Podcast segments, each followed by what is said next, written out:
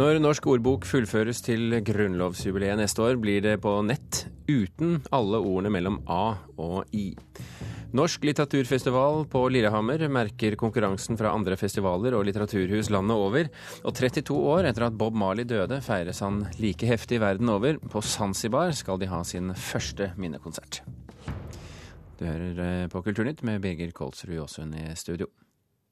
Arbeidet med nynorsk og dialektordboken Norsk ordbok har pågått siden 1930-tallet. I forbindelse med grunnlovsjubileet neste år skal verket fullføres.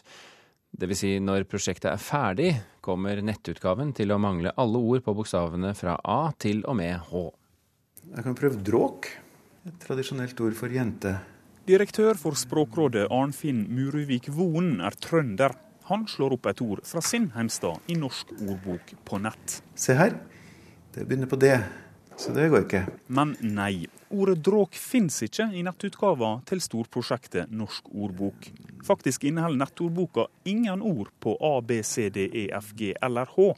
Om du lurer på meninga til ord på disse bokstavene, da må du i bokhylla. Irriterende, mener språkdirektøren. Det er jo litt uh, ergerlig uh, i våre dager hvor uh, nettet er så viktig kanal for å skaffe seg informasjon at vi ikke kan slå opp hele verket på nett. Ja, Når blir dere ferdig med alle disse bandene, da? Det vil ta lang tid. Tidligere redaktør for Norsk ordbok Magne Rommetveit i ærlig samtale med NRK i 1981. Det går en generasjon før en ser resultatet. Ja. Arbeidet med nynorsk- og dialektordboka ble satt i gang allerede i 1930. Nå skal arbeidet avsluttes etter omtrent 75 år uten ei fullstendig nettutgave. Det får innholdsstrateg i Store norske leksikon Ida Jackson til å riste på hovedet. Papir er dødt. Sånn er det bare. Det er som å satse på fasttelefon. Det er som å si at NRKs viktigste satsing for de neste ti år er tekst-TV. Den moderne kunnskapen er elektronisk, mener Jackson. Så, så, for meg så er det sånn at den moderne kunnskapen, den bor på smarttelefonen din. Den bor på nettbrettet ditt. For oppslagsverk eh, så er boka et antikvert og utdatert medium. I en kjeller på Forskningsparken ved Universitetet i Oslo står meter på meter med arkivskuffer. Her, nå har jeg trukket ut ei tilfeldig eh, skuffe. De er fylt av avisutklipp, håndskrivne lapper og annet grunnlagsmateriale som viser hvordan ord og uttrykk blir og har blitt brukt. Her er grunnlaget for informasjonen i ordboka. Det er veldig mye forskjellig, noe som er henta fra trykte kilder en del som er henta fra målføreinnsamlinger. Åse Vetås er prosjektdirektør for Norsk ordbok 2014. Nå har hun rundt 30 ansatte og får 20 millioner kroner i året fra Kulturdepartementet og Universitetet i Oslo for å legge siste hånd på verket. Men å få oppslagsverket på nett, det er ikke en del av jobben. Altså, norsk ordbok er jo en ordbok som har kommet ut i perioden fra 1950 og fram til i dag. Og når de fire et halvt første bindene ble lagde, så fantes ikke den fullelektroniske redigeringsplattformen som vi redigerer på nå. Det var når prosjektet Norsk ordbok 2014 starta i 2002 at den plattformen ble utvikla. Og det var fra det tidspunktet det var mulig å produsere fullelektronisk både til trykkutgave og til nettutgave. Her har vi bind to. Og dermed må språkdirektør Vonen og alle vi andre regne med å slå opp ord fra A til H i papirutgaver også i framtida. Så kan det bety ei jente som er stor etter alderen og lite tiltaksom. Litt spøkefullt, eh, og oppfattes nok i dag som litt gammeldags. Det var reporter Sondre Bjørdal som her fikk definert trønderordet dråk. Og i en e-post til NRK sier fungerende instituttleder Andreas Sveen ved Institutt for lingvistiske og nordiske studier, som eier ordbokprosjektet, at en digitalisering av de fem første bindene forutsetter flere titalls millioner kroner og mange nye årsverk etter at det nåværende prosjektet blir ferdig. Universitetet i Oslo vil nå henvende seg til Kulturdepartementet for både avklaring om finansiering og hvem som eventuelt skal ha det praktiske ansvaret.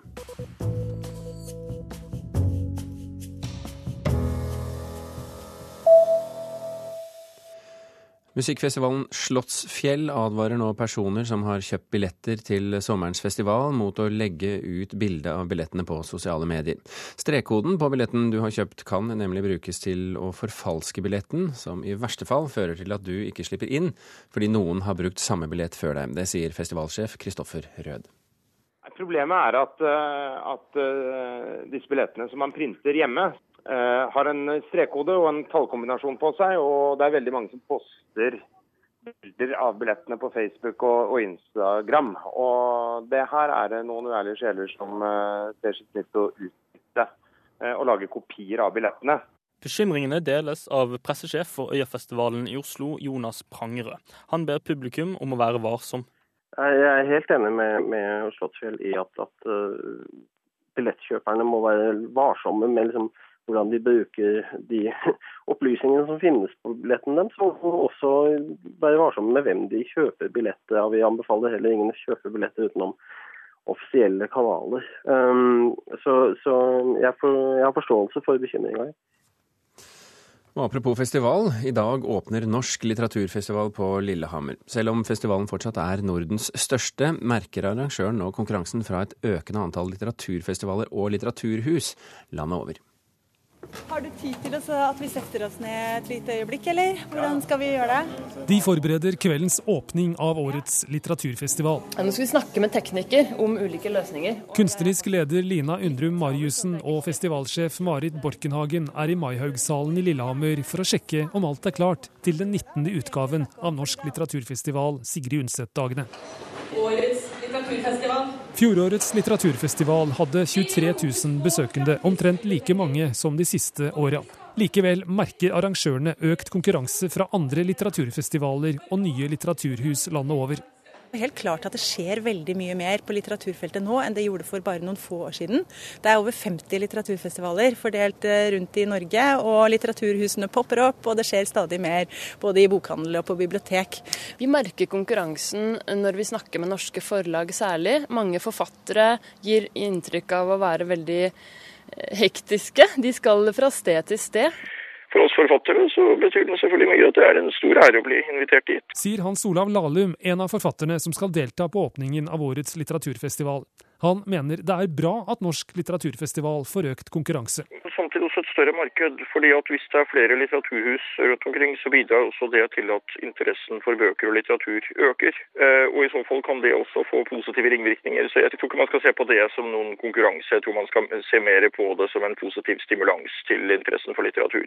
Han kommer eh, visst eh, ganske straks. I år kommer 120 forfattere fra inn- og utland til litteraturfestivalen på Lillehammer som den sørafrikanske nobelprisvinneren i litteratur Kotsie.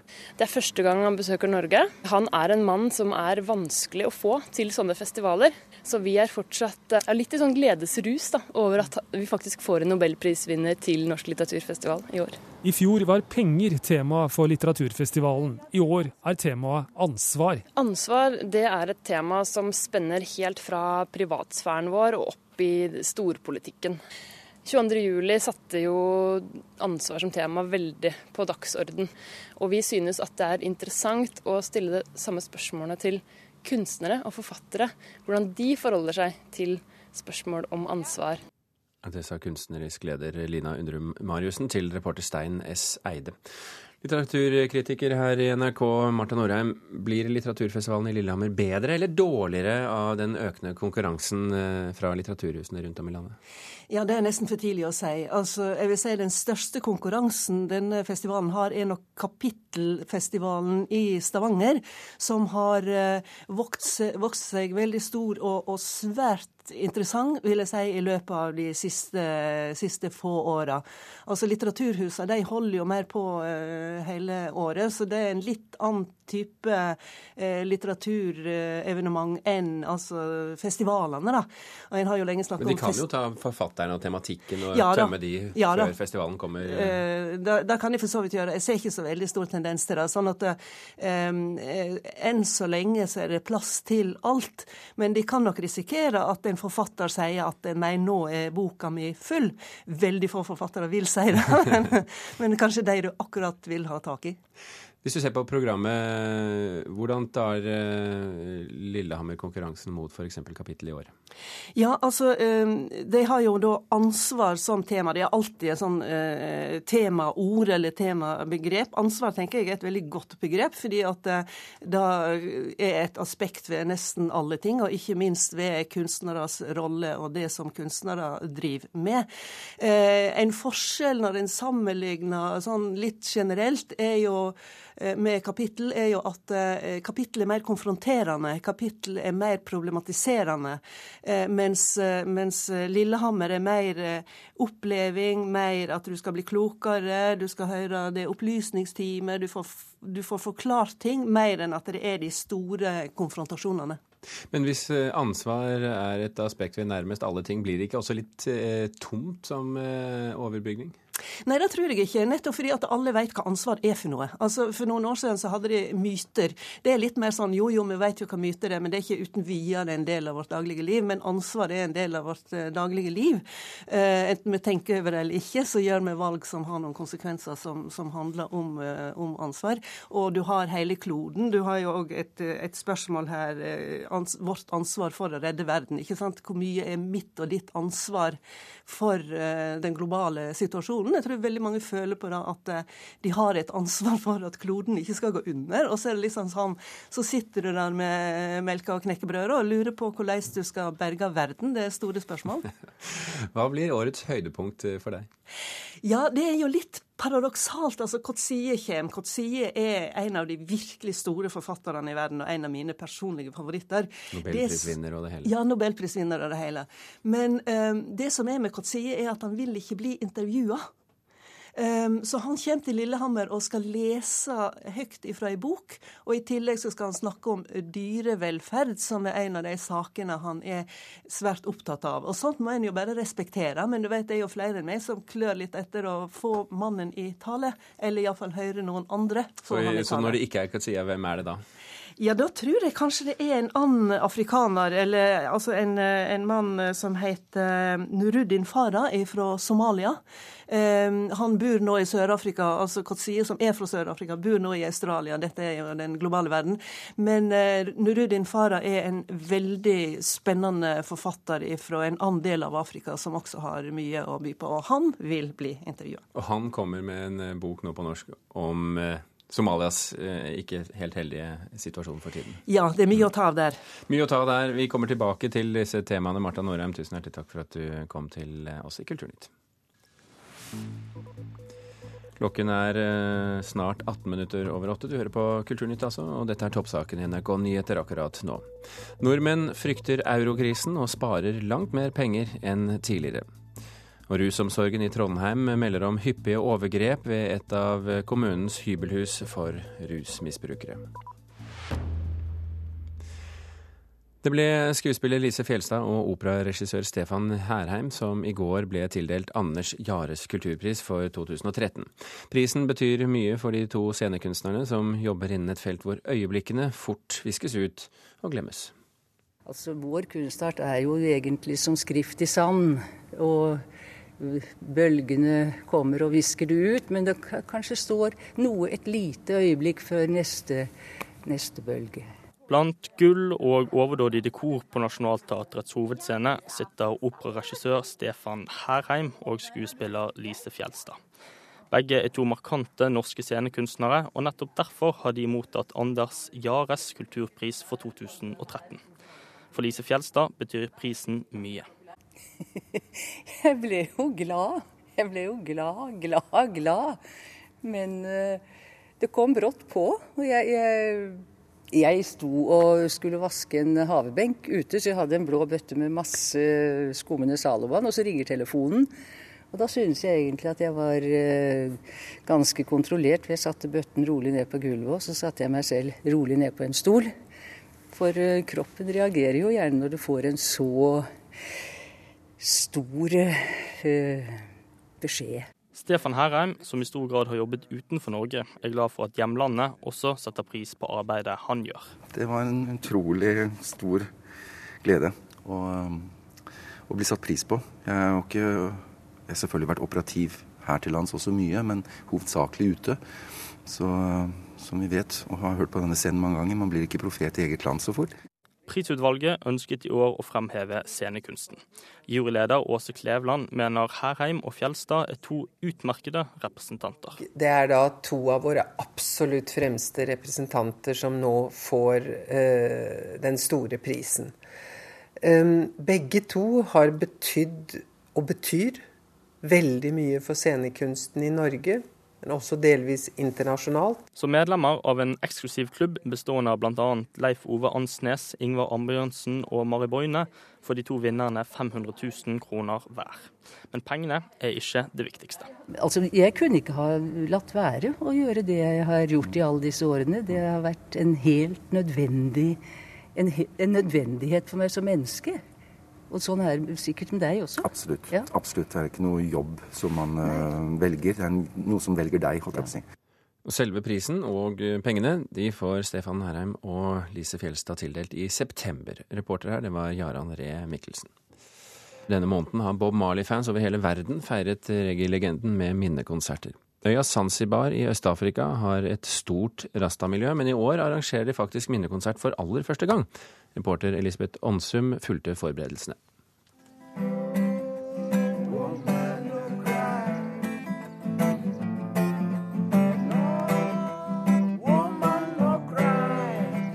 Et knippe karer har benket seg i skyggen av muren til den gamle festningen i Stonetown på øya Zanzibar. Om noen timer skal de hylle et stort forbilde på scenen som settes opp på festivalplassen. Bob Marley because you can find people they just love Bob Marley because of his dreadlock or because of his harmony or because of what he sings. But he the one who spread the message around the world about how we're supposed to live, you know, very friendly, peaceful and love. And uh, for sure, because what we need is love. And he the one who's talking the reality of the black people and white people to be united, you know. You have Rasta under your house? Yeah. I love it, so that's why I call it myself. I'm a young Bob Marley. The way he touched me on the message, you know. So that's why I'm, I'm a young Bob Marley. Bob Marley Day, Bob Marley Day. Noen dager tidligere, i et lite radiostudio på ca. fem kvadrat, blir en reklamejingle for arrangementet til. Yeah, my name's Side. Initiativtaker Side Hamad har turnert som DJ over hele Øst-Afrika og sett hvordan andre land arrangerer årlige minnekonserter for Bob Marley. Den erfarne arrangøren vil gjøre det samme på Zanzibar. You know, Zanzibar we have a Rasta, main Rasta community. And then for that things, if we try to do that, for sure it can fit for this island, you know. Bob Marley fra Jamaica begeistret publikum over hele verden. Kamp mot undertrykking og drømmen om Afrika som det lovede land er grunnpilarer i Marleys budskap. 11. mai 1981 døde superstjernen av hudkreft. I dag regnes Bob Marley som en av verdens største artister, med mer enn 75 millioner solgte album. På festivalplassen i Stonetown er lydprøvene i gang. Og selv om arrangøren kjenner på en viss spenning før den aller første minnekonserten, gjelder regelen om at den som intet våger, intet vinner, også her. We.